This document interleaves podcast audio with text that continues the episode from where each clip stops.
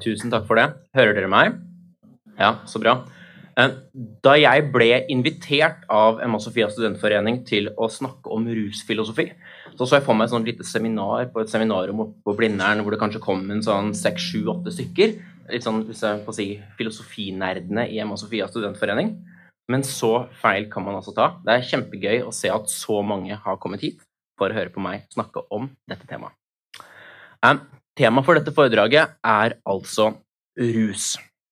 Og rus er jo, som veldig mange andre si, samfunnsmessige temaer, et, en ting som kan studeres fra veldig mange forskjellige fagfelt.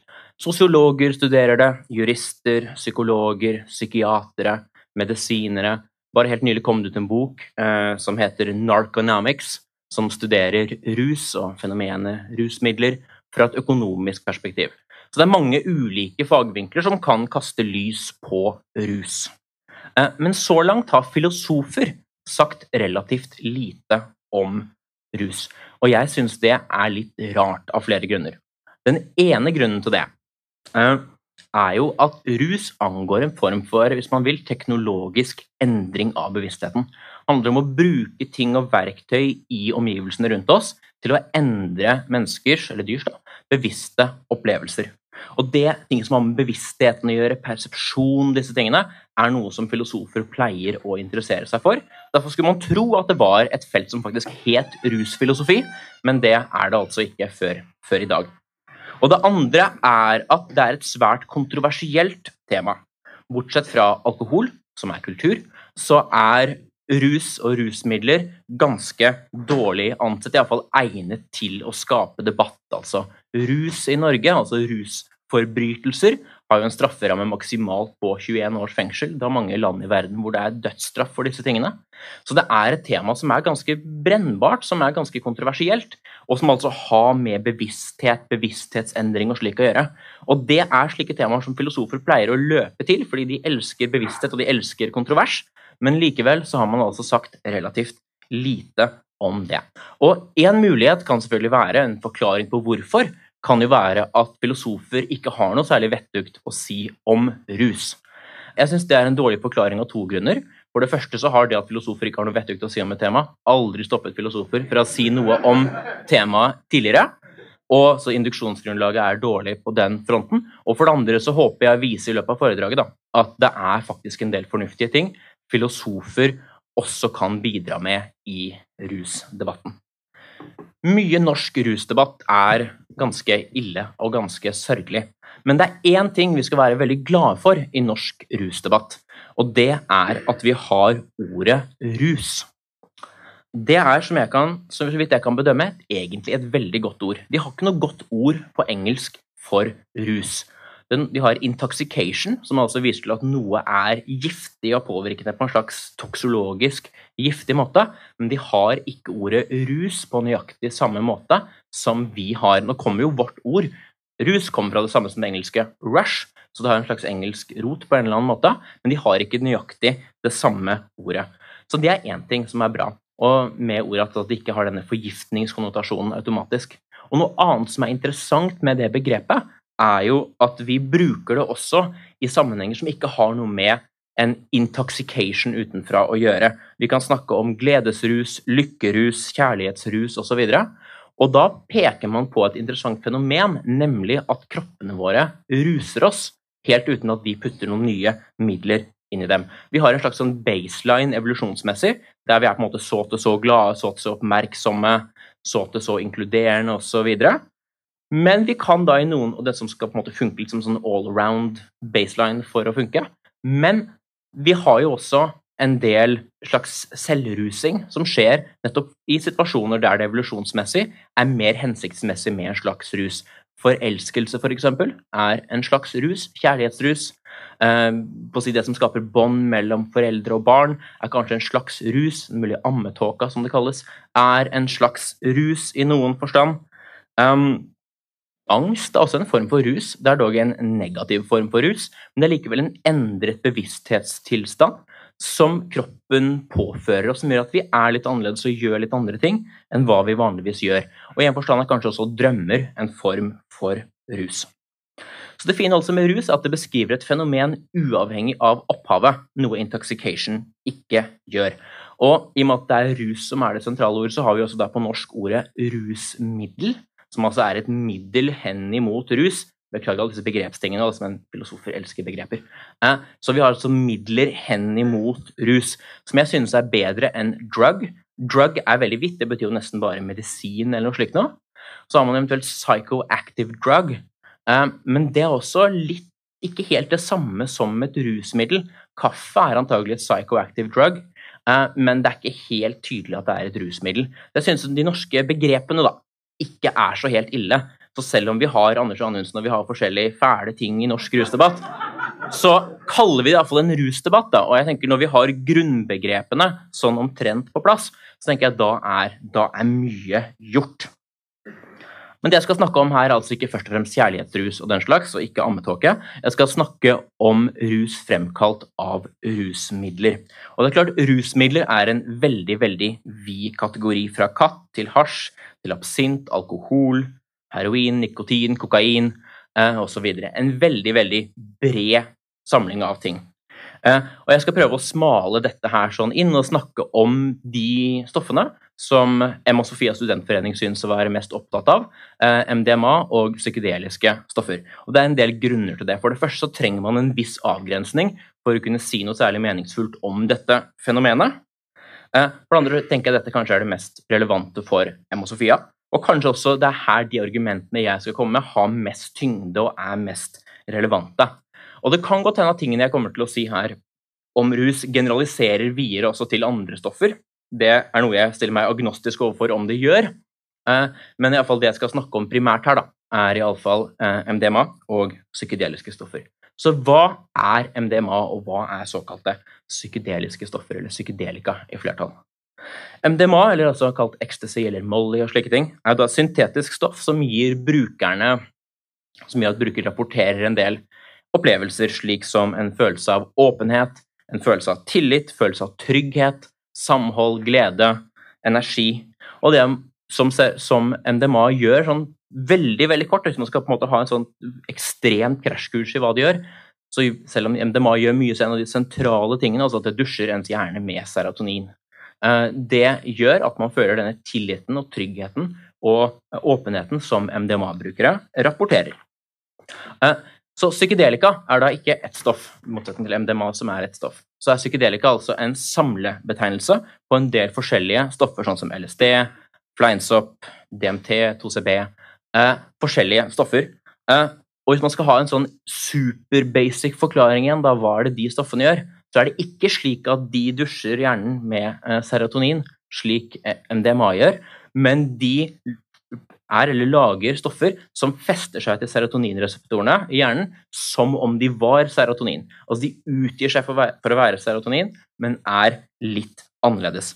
Og det gir da slike ting som bruker rapporterer om mystiske opplevelser, sterkere farger, tydeligere mønstre, synestesi, altså det at man kan se lyd og smake farger og den slags. Sterke estetiske opplevelser kan gi ved store doser hallusinasjoner, altså at man ser ting som iallfall tilsynelatende ikke finnes. Og disse stoffene er forbudt i Norge. Eh, det er ikke sånn at det bare er forbudt å kjøpe dem på Rimi og slike ting, men det er ikke tillatt å kjøpe og selge dem på noen måte. Heller ikke i organiserte former er det tillatt å kjøpe og selge og bruke slike stoffer. Man kan ikke ta en sertifisering eller noe slikt noe. Det er, det er ikke noe beskattlegging for å begrense tilgangen. Det er rett og slett fullstendig forbudt. Eh, bruker man dette, har man dette, Selger man dette, så kommer politiet og tar en. Enten må man da betale en bot, eller så må man i fengsel. Og dette er jo et signal fra staten, et ganske tydelig signal, synes jeg, da, om at dette er noe vi ikke vil ha. Dette er noe vi er imot. Og det jeg skal på en måte prøve å diskutere litt her, da, er hva er det som er argumentene for at dette er galt? For at dette er så ille? Og spørsmålet er da er det så ille at det rettferdiggjør den formen for forbud og trusler om bøter og fengsel og slike ting som vi har per i dag. Og det finnes altså mange forskjellige argumenter imot. Eh, og jeg skal se på en del av dem i løpet av dette foredraget. Men jeg skal begynne med det som kanskje er det mest åpenbare argumentet for hvorfor det er galt å bruke. Jeg skal fokusere mest på å bruke, ikke kjøpe og selge. og sånne ting, mest på å bruke. For det mest åpenbare argumentet for hvorfor det er galt å bruke slike rusmidler, er presumptivt argumentet om at dette gir en form for medisinsk skade. Og med en medisinsk skade så mener jeg altså en skade som kan påvises ved en medisinsk undersøkelse. Eh, så det at det er å hevde at, det er umoralsk å gjøre det, at sjelen blir korrumpert, eller et eller annet sånt noe, det er ikke en medisinsk skade. Men en medisinsk skade vil være ting, altså rent kroppslige ting, psykiatriske ting, så man kan vise at her har det skjedd en eller annen form for skade som følge av bruk. Ganske sånn åpenbart argument, egentlig, altså at disse midlene gir en form for medisinsk skade. Medisinsk skade er vi imot, altså en konklusjon bør vi være imot å bruke disse stoffene. Det er det første type argumentet jeg nå skal se på. Og det argumentet har åpenbart noe for seg. For å ta MDMA først, så er det, i hvert fall fra hva jeg klarer å forstå av forskningslitteraturen på det feltet, jeg er da fagfilosof, ikke farmakolog eller noe slikt noe, men det synes å være et visst hold i at det er en del farer forbundet med bruk av MDMA. Det er hvert år noen dødsfall som følge av MDMA. Det er noen som får overoppheting som følge av bruk av det. Noen opplever dårligere humør, ganske, for noen ganske betydelig dårligere humør, et par dager etter. Og det synes også kanskje som det kan gi en viss svikt i noen kognitive evner. Altså f.eks. det å skulle eh, kjenne igjen par av ting og si ok, hva var det vi så, hva var det dere så sammen, var det en trekant og en firkant, eller var det en trekant og en runding f.eks., så synes det er noen forskning som tyder på at MDMA-brukere i noen grad er dårligere på slik eh, på å kunne finne, altså huske, da, eh, hva som hørte sammen. Så det er noen, noen indikasjoner på at det kan være en viss fare forbundet, også en medisinsk fare, ved bruk av MDMA. Men jeg er likevel ikke overbevist om at faren er enorm ved bruk av MDMA. Det er en del ting som man bør ha i mente når man ser på slike undersøkelser. Og Det ene er at de aller fleste undersøkelsene vi har på MDMA, også på psykedelika, som jeg kommer tilbake til, er observasjonelle. Det vil si at man går ut og man spør folk har du brukt MDMA liksom den siste måneden eller siste året, eller hva det skal være, og så måler man på si, det på si kognitive, funksjonelle nivået. Man gjør undersøkelser på den gruppen som sier at de har brukt MDMA. Og Da ser man at det er en viss korrelasjon med noen negative trekk.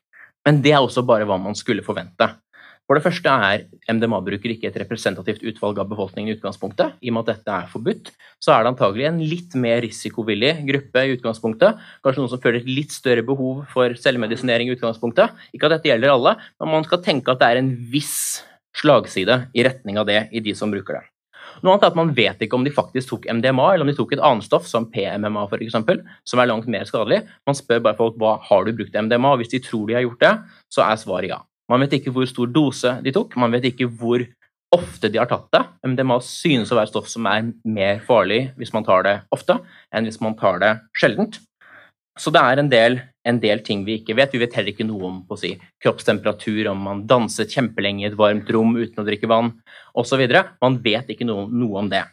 Og dette er jo en forskningsmetode som for andre legemidler ikke ville si, fungere spesielt godt. Skal vi finne ut om Paracet er farlig, så kan man tenke seg at man forbyr det, og så går man ut og spør folk tror du at du har brukt Paracet i en eller annen mengde i løpet av den siste tiden. Og du vet ikke om de har brukt sju piller hver dag eller ingenting, eller om det var noe helt annet. Og da vil du nok antagelig se visse skader hos den delen av befolkningen som sier at de har brukt Paracet, som altså er da ulovlig. Så man vil finne noen negative korrelasjoner. Men det er klart, det har jo vært mer kontrollerte studier også. Du har en del dyrestudier med MDMA, men der har man måttet ta ganske store doser før man har funnet påvisbare skader. Unntaket var en studie som ble publisert i Nature, som fant også eh, relativt eh, fant noe skade også ved relativt moderate mengder, men den ble trukket tilbake, for da fant man ut at man hadde klart å gi disse musene metamfetamin i stedet for MDMA i Nature, som også er topptidsskriften naturvitenskapelig i verden. Og det vil si at da var det ikke klart at man hadde funnet så sterke bevis likevel. Man har jo også undersøkelser på bruk, på bruk, på mennesker, der man har forsøkt å bruke MDMA f.eks. i behandling av posttraumatisk stressyndrom og slike ting.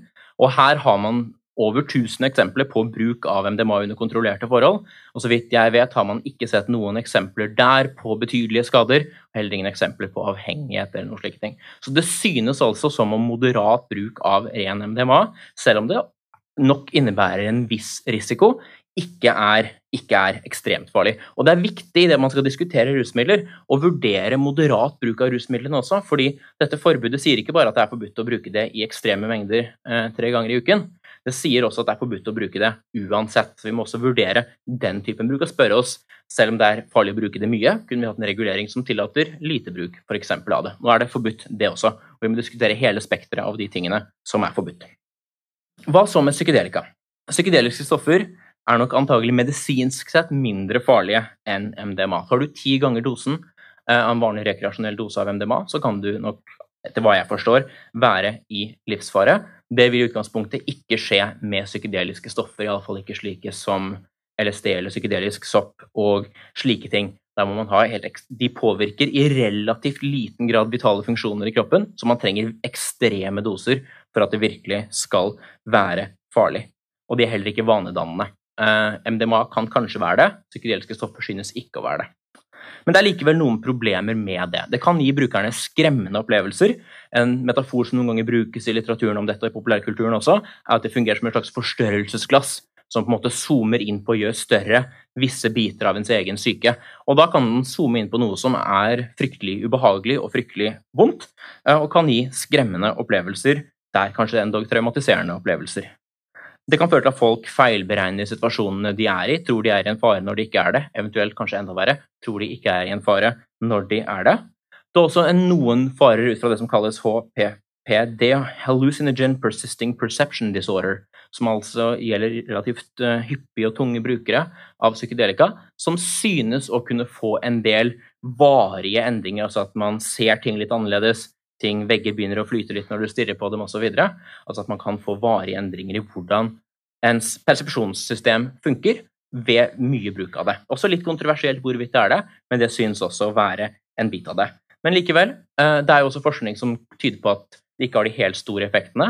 Eh, Pål Ørjan Johansen, som jeg mistenker at er her et sted, og Terry Krebs har har jo forsket på dette etter tall fra eh, USA, hvor de fant at MD, eller psykedelikabruk ikke gjorde det mer sannsynlig at folk hadde andre variabler. Så det synes som om, selv om det er fare ved det, så synes de å være, å være relativt små. Nå må vi dog være åpne for at siden dette er forsket relativt lite på, så kan det også være skader som ikke er fanget opp ennå, som vi rett og slett ikke vet om.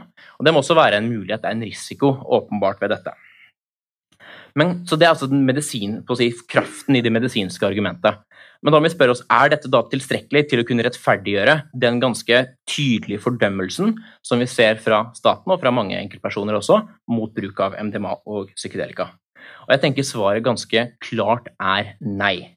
Det er ganske mye vi mennesker kan gjøre. Vi kan drive med fjellklatring, vi kan drive med maratonløping, boksing, motorsport. Vi kan jobbe som stuntman, vi kan spille amerikansk fotball, som gir ganske betydelige hodeskader. Eh, vi kan ligge i solarium så lenge vi vil og få kreft, hvis vi har lyst til det. Ikke minst kan vi røyke og vi kan drikke alkohol. Eh, det er ganske mange ting vi tillater folk å gjøre i ganske betydelig grad. Når man skal bedømme hvor farlig en aktivitet er, så går det an å bruke en målenhet som kalles en mikromort. Hørt om det? En mikromort er en 1 til 1 milliondel sannsynlighet for å dø. Og da kan man spørre hvor mange mikromorter er det som følger med visse aktiviteter. Og fallskjermhopp har ca. én mikromort. Så hopper man i fallskjerm én gang, så er det ca. 1 til 1 million sannsynlighet for å dø. Maratonløping er på 7 mikromorter. Dykking, litt uklart på hvilken type, men dykking ligger på 10 mikromorter. Å bruke MDMA ligger på en halv mikromort.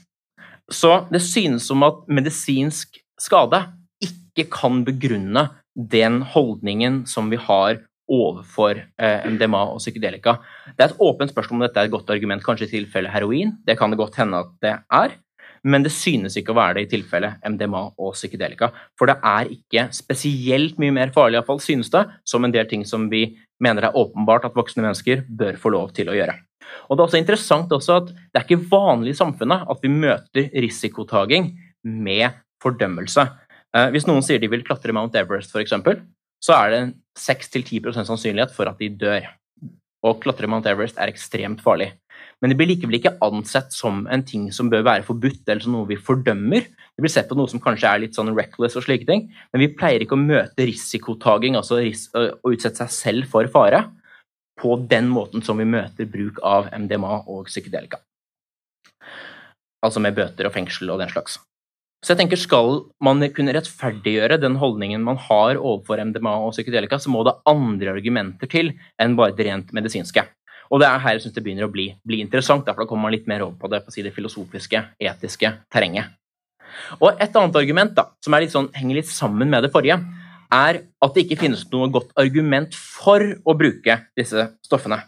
Man kan tenke at Å drive med sport for eksempel, kan være farlig, men det kan også holde en i god form, det kan gi en gode opplevelser, lage opplevelser osv. Så, videre, så det kan på en måte være verdt det. Så da kan man innvende at disse, at disse rusopplevelsene er ganske verdiløse. Og følgelig så kan man si at det å bruke stoffene er litt sånn som å kjøre bil uten sikkerhetsbelte. Det er ikke sånn forferdelig farlig, egentlig. Jeg har kjørt bil i tolv år. Aldri krasjet, så jeg har aldri strengt tatt behov for sikkerhetsbelte. Men likevel sier vi at det er ikke godt ansett å kjøre uten sikkerhetsbelte, fordi det er ikke noe god grunn til å gjøre det. Så da vil man like gjerne sette det på. Så man kan si at det er ikke noen gode grunner for det, så da er det slik at, at selv et ganske liten farepotensial kan være nok til å mene at dette er galt. Så det er et annet type mulig argument. Men jeg er ikke så veldig overbevist om det heller. For det første så pleier vi ikke å kreve spesielt gode grunner for at folk driver med si, rekreasjonelle ting i livet sitt, som å løpe maraton, klatre i fjell, sykle Trondheim-Oslo. Folk gjør det fordi det er gøy og som en slags kontrast til livet for øvrig, så vi tenker ikke at man trenger de helt sterke grunnene for å kunne gjøre dette. Og for det andre så synes det som folk kan ha noen grunner i alle fall til å bruke, eller til å nå de opplevelsene som folk rapporterer ved å bruke MDMA og psykedelika. Det synes jeg iallfall ikke som en helt sånn triviell ting. Eh, I tilfelle med settebelter så kan det være ganske trivielt gode å slippe å ta på det beltet. Det synes som om de godene folk søker ved å bruke MDMA og psykedelika, iallfall ikke er trivielle. Jeg skal gi noen eksempler på dette. Først en liten si, uh, trip report fra MDMA som ble publisert i New York Times for en liten stund tilbake. Som gir et eksempel, et innblikk på hva, hva slags opplevelse brukere kan oppleve med MDMA. Skal lese dette på engelsk, men jeg antar det går bra. Citat, I didn't feel stoned or daydreamy. Unlike classic psychedelics, MDMA doesn't disrupt your basic sense of who you are. You barely even feel weird.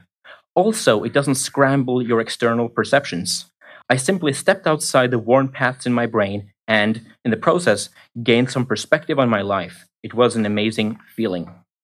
Small inconsistencies became obvious. Quote, I need money. I have a $500 mo- motorcycle that I'm too scared to ride, so why not sell it? End of quote. So did big psychological ones. Quote, the more angry I am at myself, the more critical I am of my girlfriend. Why should I care how Carol chews her gum? End of quote. Ecstasy, or MDMA, nudges you to think very deeply about one thing at a time. I started at Carol, transfixed by her eyes. I found myself in possession of this capacity to accept all of her and all of human frailty. Everybody opened up. Scott, my weightlifting partner, swung his arm over my shoulder and squeezed, squeezed me to him and thanked me for being his friend. My roommate, Tom, brought me a glass of water, and his thoughtfulness rocked me to my soul. We just talked. Carol said her mother was thinking of joining AA, Alcoholics Anonymous. This was the beginning of a long night of feeling uncharacteristically undefensive, comfortable and kind. End of quote. Så MDMA synes altså å kunne gi en form for åpenhet, som man iallfall intuitivt kan forstå at det er en opplevelse som noen kan synes er verdifulle, i alle fall mer verdifulle enn å kjøre bil uten setebelte. Og Det kan være at en del av denne åpenheten som også kan forklare f.eks. For hvordan MDMA synes å kunne virke i behandling av PTSD, altså posttraumatisk stressyndrom. Problemet for en del som har posttraumatisk stressyndrom, er at hvis man prøver å benytte seg av eksponeringsterapi, man prøver altså å komme tilbake til situasjonen og gå gjennom den på nytt, så er det en del som oppfatter det som veldig traumatiserende. Og man blir på en måte retraumatisert av å prøve å gå gjennom det. Og her synes de om MDMA er noe som kan hjelpe ved at folk dermed klarer å gå dit og tenke på de tingene, og behandle dem på en måte de ellers ikke ville klare. Og da er deres minne altså fra dette litt farget til hvordan de tenker over det neste gang. Så man har ganske, ganske suksess med dette. Michael Mithofer fant i en studie fra 2001 at mens 25% av pasientene som led av PTSD, oppnådde 30% eller mer reduksjon i symptomene med vanlig eh, psykoterapi, altså eksponeringsterapi, så klarte 83% med, når de hadde psykoterapi, assistert med MDMA. Så poenget mitt er ikke at dette gir folk veldig gode grunner til å bruke MDMA, men det er et argument om at det ikke er trivielt. Det synes å kunne gi goder som i alle fall er på høyde med godene ved fjellklatring. Så hva da med psykedelika? Forskeren Ronald Griffiths ved Johns Hopkins University uh, Medical School, som altså er en av de to topp medical schools i verden, som Harvard og Johns Hopkins, som på en måte konkurrerer om å være nummer én, han ga psilocybin, som også er et psykedelisk stoff, til 36 frivillige. Og 22 av disse hevdet da at de fikk det, det man da kaller a complete mystical experience. Og det finnes allerede innenfor religionsforskning måter å måle mystiske opplevelser på. Man har disse målenhetene for dette. Og dette fantes altså fra før av. Man brukte dette for å se hva er det de som fikk psilocybin, sa om dette. Og det å altså ha en, en complete mystical experience betyr å oppfylle alle de følgende kravene, igjen på engelsk. Pure awareness, unity with all things, transcendence of time and space, ineffability and paradoxicality, sacredness, knowledge of ultimate reality, and a deeply felt positive mood. Og eh, 67% av de som var med på denne studien, sa at denne opplevelsen de også hadde på psilocybin, var, av, var blant de fem mest meningsfulle opplevelsene de hadde hatt i løpet av sitt liv, og det mente de også flere måneder senere. Og dette kan kanskje også forklare hvorfor psykedeliske stoffer ser ut til å ha et visst behandlingspotensial, som ved avhengighet, ved tvangslidelser og ved angst ved død. Man ser pasienter som er døende av kreft, f.eks., som har fått LSD, har en rapportert i mindre grad å frykte situasjonen de er i, og frykte sin egen død. Så det synes å kunne være en viss nytte og en viss bruk av dette, og en viss ikke-triviell grunn til å ønske å bruke slike stoffer.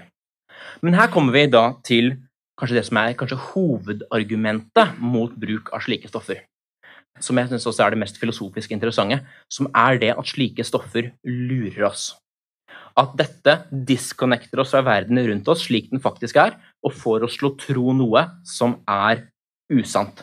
Så kan man tenke seg, for Hvis man skal tolke hva som skjer når noen, får, noen som er dødssyke, får LSD, hvis, de da begynner, hvis de da blir narret til å tro at det finnes et etterliv, eller at engler vil ta vare på dem, eller hva enn det er, da, begynner å tro på reinkarnasjon eller hva det er pga. LSD, og det faktisk ikke er slik, så synes dette som å være en ganske skummel form for trøst, iallfall for folk som ikke er døende, hvis dette får en til å tro på ting som er usanne. Og det synes som man kan argumentere for at LSD for eksempel, gjør. Det er jo et hallusinogen, som noen noen ganger kaller det. Og man kan si det samme kanskje med en innvending mot MDMA.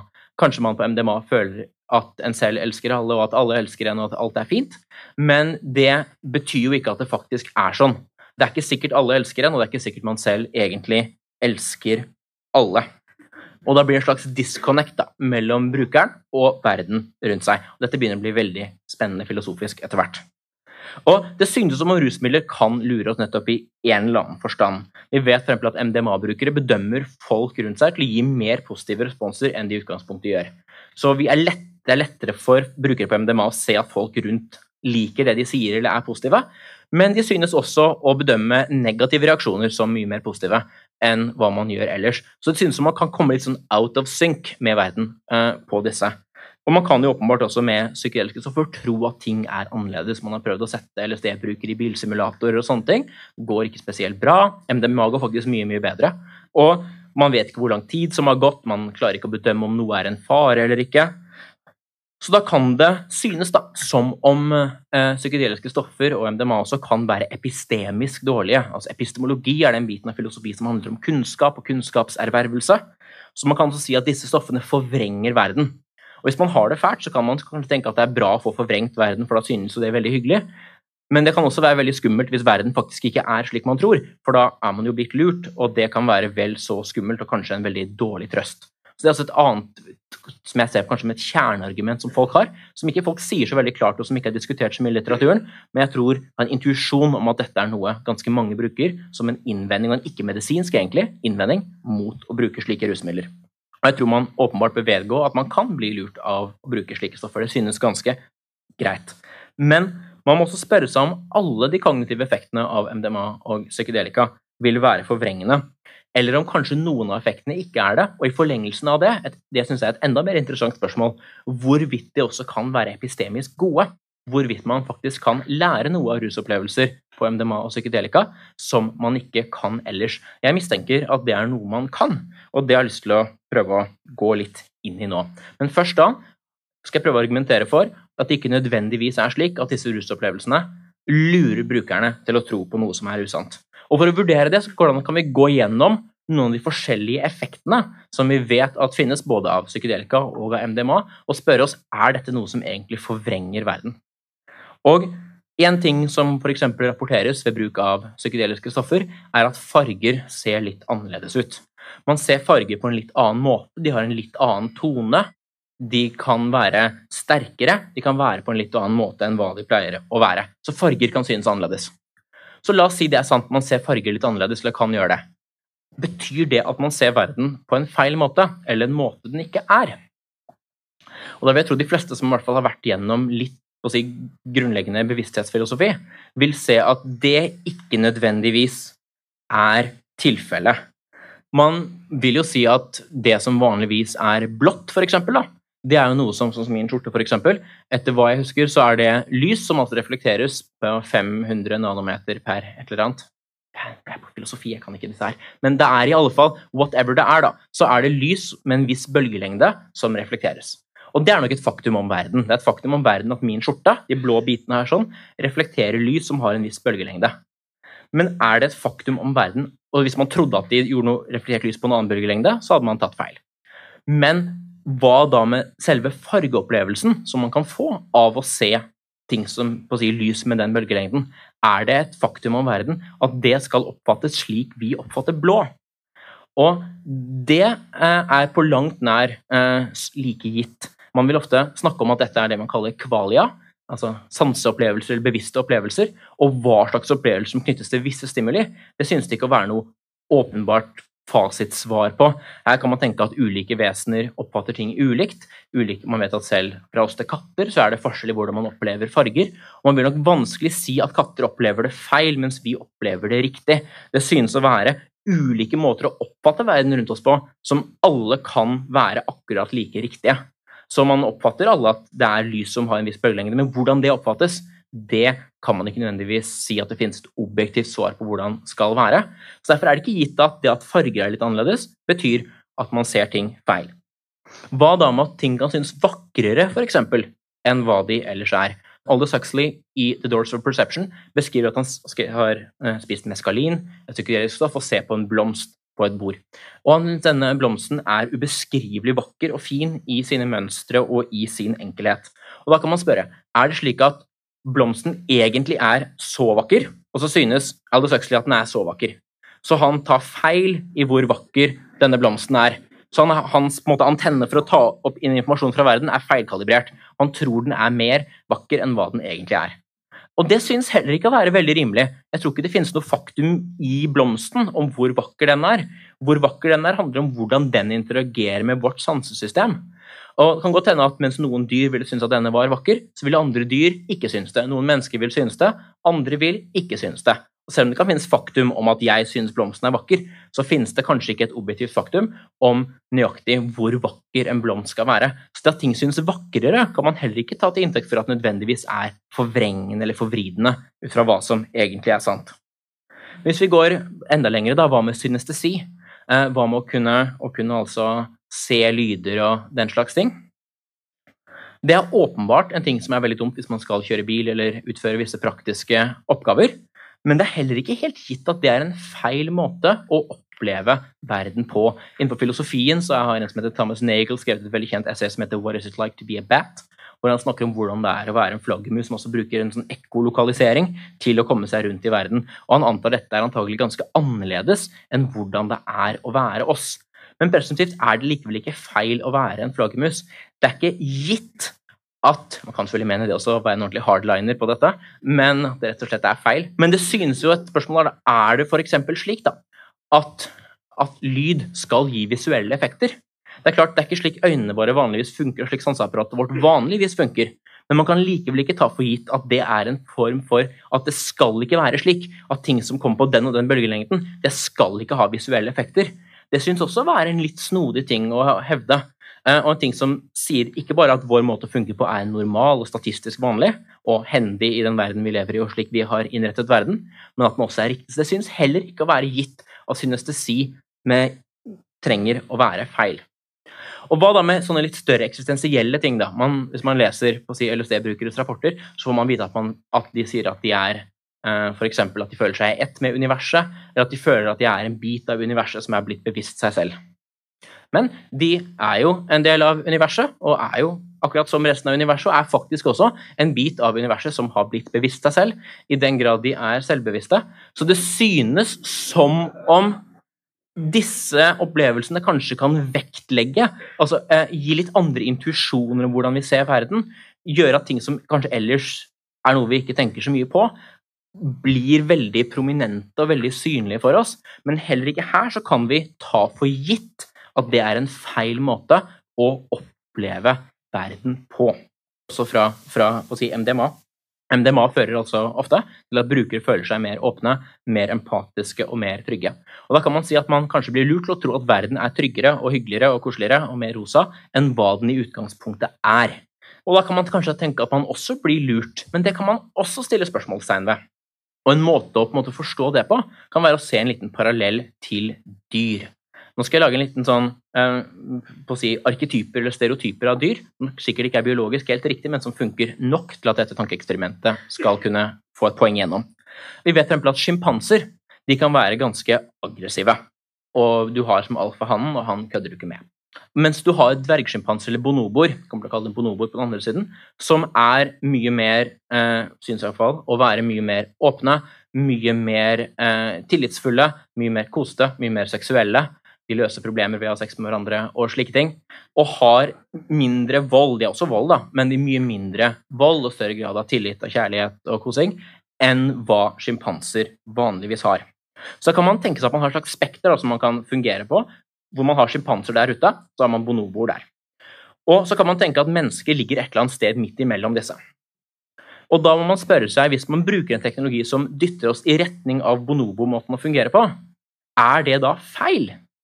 Er det slik at man da går lenger og lenger fordi vi mennesker vi har den riktige måten å bedømme og si hvor kjærlige og tillitsfulle vi skal være, mens bonoboene tar feil på den ene siden og sjimpansene tar feil på den andre siden? Det er heller ikke gitt. Så det synes her da, som om vi bare går med på bare ved å se på at det finnes andre vesener rundt oss. Som om vi går med på at det finnes en lang, lang rekke måter å fungere på kognitivt og emosjonelt som ikke er mer eller mindre riktige eller gale enn hverandre, men som alle er måter å interagere med verden på, uten at noen er privilegert fremfor en annen. Så hvis vi, med, hvis vi tenker oss at det MDMA gjør, er å dytte folk i bonobo-retningen, så kan vi ikke ta for gitt at det er noe som lurer brukerne heller. Så da man altså kan forstå rusmidler som, da, er kanskje, hvis man vil, en teknologi som får oss til å ha bevisste opplevelser av en måte som kunne ha evolvert, i naturen, men som ikke er involverte. Eller som evolverte i en indirekte forstand ved at vi evolverte, og vi evolverte disse midlene og lærte å bruke dem. Så i en forstand så har evolusjonen skapt disse opplevelsene også. Men det er altså en måte å skape andre typer opplevelser på enn hva vi i utgangspunktet har. Og åpenbart så er det ikke slik at altså Man snakket om ekkolokalisering eh, og flaggermus og slikt. Det er jo antageligvis ikke slik at LSD f.eks. gir en nye sanser og slike ting. Da tror jeg man har spist litt for mye, hvis man tror det. Men det synes i hvert fall å være et visst spekter da, av mulige måter å oppleve verden på, som alle altså kan være, være like, like riktige. Og jeg tenker at Hvordan vi tenker om rus i forbindelse med dette, har litt å si med hvordan vi tenker om bevissthetsfilosofi, mer grunnleggende. Innenfor bevissthetsfilosofi eller persepsjon så har du en teori som kalles naiv realisme. Eh, og naiv er ikke et sånt nedsettende ord egentlig her. sånn. Dette er folk som kaller seg naive realister eller direkte realister som mener at vi ser verden akkurat slik den er. Så farger finnes der ute, alt finnes der ute, og vi er bare en helt sånn passiv tilskuer til hva som er i verden. Hvis det var den korrekte teorien, så vil det gi mening hvorfor det å drive og messe med dette kameraet som ser ut på verden, ikke vil kunne gi oss mer kunnskap om verden, for da er det bare distortions. Men hvis man har en annen teori om bevissthet, hvis man tenker at bevisstheten ikke bare ser verden slik den at alt vi ser, er akkurat slik vi tror det er, men at vi har masse filtre for hva vi ser og hva vi ikke ser, hvis vi har visse biaser for hva vi ser og ikke ser, hvis vi er evolvert til å filtrere ut noe og legge vekt på andre ting Hvis måte, bevisstheten vår da, spiller en mye, mye større rolle i hvordan vi selekterer kunnskap, hvordan vi behandler kunnskap, så kan det synes mer rimelig at ved at vi tenker det er en tykk linse, da, ikke bare dette tynne glasset som ikke gjør noe som helst, men en slags tykk linse som vi ser verden gjennom, og som er bølgete og buet og legger vekt på noe, ikke noe annet. Hvis det er slik vi tenker om bevisstheten, så er det mer rimelig å forstå hvordan det å dra litt og dytte litt på denne linsa kan gi oss andre innsikter om verden der ute enn hvis vi bare har dette tynne glasset.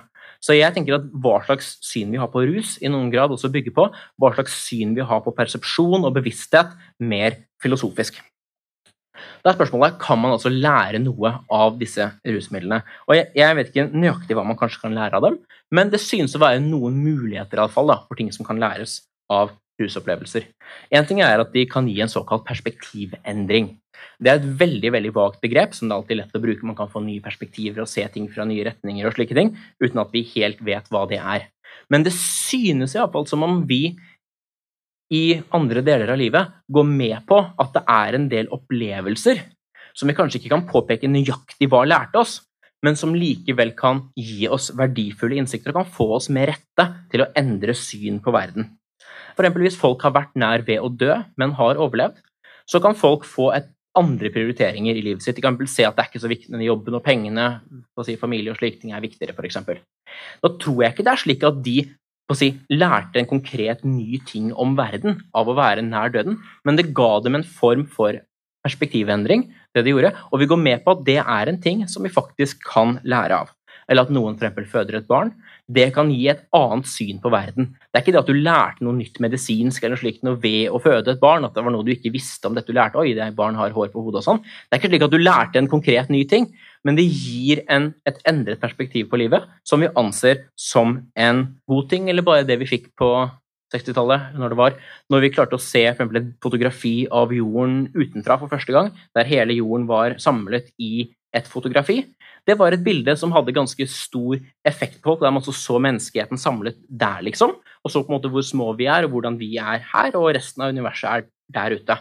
Da lærte vi heller ikke noe nytt. Vi visste dette fra før av, men dette perspektivet vi da fikk på ting, gjør likevel at folk ser kanskje litt annerledes på verden enn hva de gjorde. Så selv en perspektivendring som det da, er noe vi andre biter av livet ofte vedgår at kan være verdifulle såkalte transformative opplevelser, kalles de ofte. Og dette er noe som innenfor filosofien får noe oppmerksomhet nå, annet en amerikansk filosof som heter L.A. Paul. Men hun snakker ikke om rus i forbindelse med dette, og det syns jeg er litt dumt, for denne typen opplevelser tror jeg er epistemologisk og filosofisk interessante.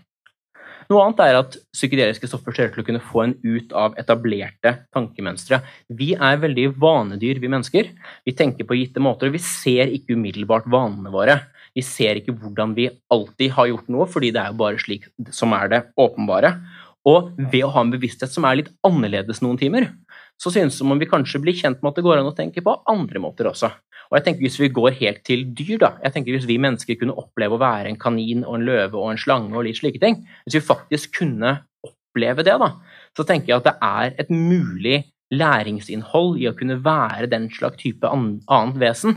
Som ikke kommer at man lærer noe nytt på å si fysisk om verden. Liksom. Man får ikke en ny fysisk teori, men man kan kanskje lære noe om verden, selv om det ikke gir ny på å si fysisk kunnskap. Og kanskje kan det også gi empati. Det er også en mulighet som jeg vil holde åpen for hva det kan gi. Empati kommer i stor grad av hva man klarer å se for seg, og hvordan man klarer å forestille seg andres opplevelser.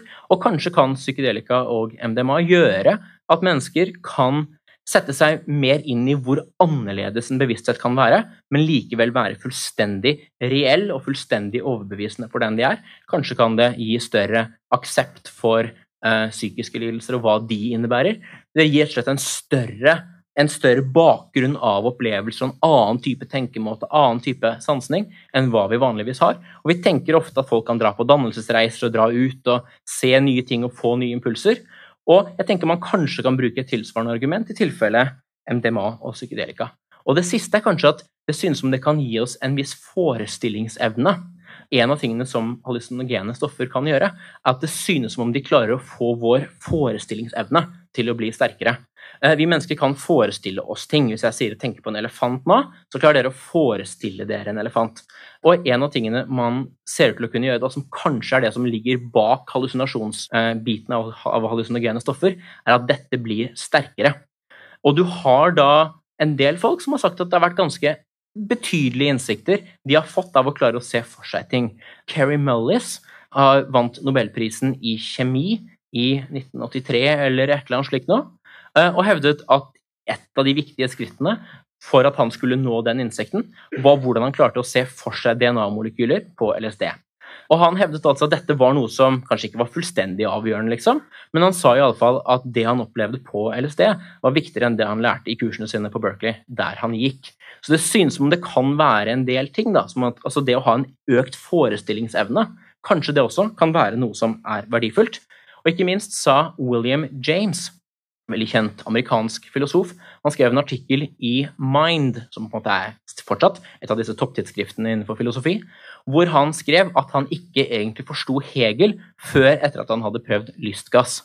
Eh, og skrev det i fullt alvor, og jeg mente at da fikk han innsikt i hva Hegel egentlig måtte ha ment, og det hadde han ikke skjønt tidligere. Og jeg tror ikke dette er ment som en fleip fra William James sin side i det hele tatt. Og det kan godt være noe i det. Jeg har egentlig aldri skjønt Hegel heller, men nå har jeg heller aldri prøvd lystgass, så det kan hende det er det som, det som rett og slett ligger bak det. Men ja, så jeg, Dette er en del eksempler på hvordan jeg tenker at det er i hvert fall mulig da, at man kan lære noe av rusopplevelser, og hvordan det ikke trenger bare å være forvrengende.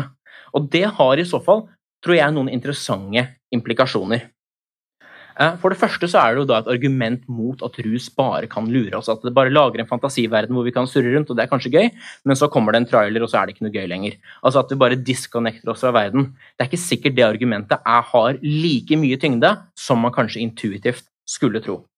Eh, og det andre er at det kan ha litt å si for rusdebatten, og hva som er et godt argument i rusdebatten. Fordi i rusdebatten så er det så langt jeg kan se, tre på å si, hovedargumenter som ligger til grunn.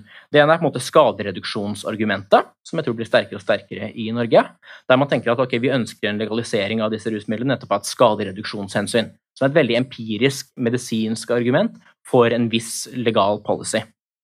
Som et annet argument, som er det mer sånn liberalistiske argumentet, som er på en måte mitt hode, jeg gjør med det hva jeg vil. Hvis jeg vil dytte noen kjemikalier inn i det, så står jeg fritt til å gjøre det er slags liberalistisk argument. Så er det et hedonistisk argument, som er mer som at dette er veldig gøy, og derfor vil vi gjøre det. Jeg tenker at I noen land så kan kanskje det hedonistiske og det liberalistiske argumentet ha veldig stor tyngde. I sosialdemokratiet sosialdemokrati i Norge så ser man at det litt mer sånn trauste skadereduksjonsargumentet har større tyngde. Men hvis det også da faktisk er slik at man kan nå visse innsikter, at man kan forstå ting i en eller annen forstand noe bedre, gjennom MDMA og psykedelika. Ikke at man alltid gjør det, man kan lures også, men hvis det er en viss form for verdifull kunnskap da, som kan nås ved hjelp av disse stoffene, så har man et litt annet argument for å fjerne forbud mot disse rusmidlene. For da kan man argumentere for at dette forbudet er en form for sensur. For da er det en form for mulig innsikt eller mulig kunnskap som man ikke har lov til å erverve seg, og slik vi vanligvis tenker om statens rolle, så trenger den veldig veldig gode grunner til å holde kunnskaper eller erkjennelser tilbake. I hvert fall av en sånn personlig, filosofisk, eksistensiell karakter. Vi tenker at litteratur, film osv., selv om det sikkert kan lure folk til å tro mye rart, de også, eh, og ikke minst beskriver ting som er usanne, fiksjon er jo usant, så tenker vi likevel at her er det en viss frihet vi bør ha, og det er et argument som synes lite i bruk i debatten, men som, hvis man kan argumentere for at man kan lære noe av rusopplevelser, kanskje kan ha noe for seg. Så dette er da noen av, noen av argumentene for dette. Det er det medisinske skadeargumentet, som jeg sier at ikke er så veldig godt. Det er det at det ikke finnes noen gode grunner i det hele tatt for å bruke rusmidler, som jeg synes heller ikke er så veldig godt. Og dette at vi lures til å tro noe som er usant, som jeg heller ikke synes er et veldig vektig argument. Det finnes også andre typer argumenter mot bruk av rusmidler. Det kan være at det kortslutter kroppens belønningssystem, og det er en veldig fæl ting å gjøre. Man kan si at livet er godt nok uten rus. Man kan si at man mister kontroll. Man kan si at det er uverdig. Man kan si at farmakologi og medisiner og slike ting bare er noe man kan bruke når man er syk, og ikke noe man kan bruke ellers. Så det er mange mulige argumenter. Jeg kan godt gå inn i noen av de argumentene i spørsmål-svar-runden etterpå, men jeg, min intuisjon i alle fall er at disse argumentene er litt svakere enn vi vanligvis tenker at de er. Og jeg tenker De relevante argumentene i rusdebatten, da, de gode argumentene mot rus, er de medisinske argumentene, og antagelig bare de medisinske argumentene. Men dog følger det ikke av dette at nødvendigvis i alle fall, at legalisering av disse rusmidlene er riktig. Det kan være andre argumenter som jeg ikke har sett på her, sånn, som er et argument for hvorfor rus likevel er galt. Eller man kan også ta et litt sånn alternativt argument som ikke er så mye fremme i debatten. Ikke at rus er så ille at det bør være forbudt, men at rus er så bra at det bør være forbudt. For hvis vi ønsker at folk skal jobbe hardt og være gode innbyggere og betale sin skatt med glede, og den slags, så kanskje vi ikke ønsker at det skal være en måte å nå slike goder på. Kanskje vi må på en måte holde gulroten såpass langt unna at folk ikke bare spiser den opp med en gang, men at de går og traver av gårde, som gode arbeidshester gjør. Og det argumentet også om at noen typer rus kan være for gode, ikke at de er for dårlige og ferdige, men rett og slett for gode til at det er bra, syns jeg er et interessant argument. Så det følger altså ikke fra det jeg har sagt her sånn, at legalisering er riktig, men det er åpenbart en, en, en, mulighet. Og det følger jo heller ikke fra argumentene mine her sånn at det nødvendigvis er riktig å skulle bruke slike rusmidler på tross av at de er forbudt. De er jo per i dag forbudt, og det er spørsmål hvordan skal man da forholde seg til dem. Og Noen vil argumentere for at man bør gjøre det staten sier uansett. Staten har et verdifullt voldsmonopol. Kanskje har man gode grunner til å opprettholde dette monopolet og følge disse lovene, også der man er uenig. Så man kan ikke se dette argumentet som nødvendigvis en oppfordring til at man skal bruke slike stoffer. Man kan også mene at når det er forbudt og organisert av kriminelle nettverk, som det i noen grad er, så kan det være galt å støtte disse. Så igjen, dette er noe filosofer ofte er ganske glad i, å prøve å si hva er det argumentet egentlig sier, og hva er det det egentlig ikke sier, eller hva er det som er et mer åpent spørsmål. Og spørsmål både om legalisering og hvordan man skal forholde seg til rus, gitt at det faktisk en gang er forbudt, tenker jeg spørsmål som ikke er besvart av det jeg har sagt. Men det jeg håper i alle fall å ha sagt, eller prøvd å vise da på noen måte, er hvordan filosofi kan være et relevant fag i rusdebatten. Det filosofer prøver å gjøre, etikere prøver å gjøre, er å på en måte ok, spørre seg Gitt alt vi vet, da, gitt alle de, hva alle de andre fagene sier, gitt hva vi skal med samfunnet, hvordan bør vi forholde oss til dette feltet? Det er en ting etikere gjør, som jeg tenker som jeg håper at dere syns at etikere er verdifullt til å gjøre. Og ikke minst til å pirke litt i de premissene som vi ellers tar for gitt på samfunnsdebatten. Så jeg håper iallfall at jeg, da, som fagfilosof, kan gå litt inn i denne rusdebatten og forhåpentligvis være med på å forbedre den litt. Takk.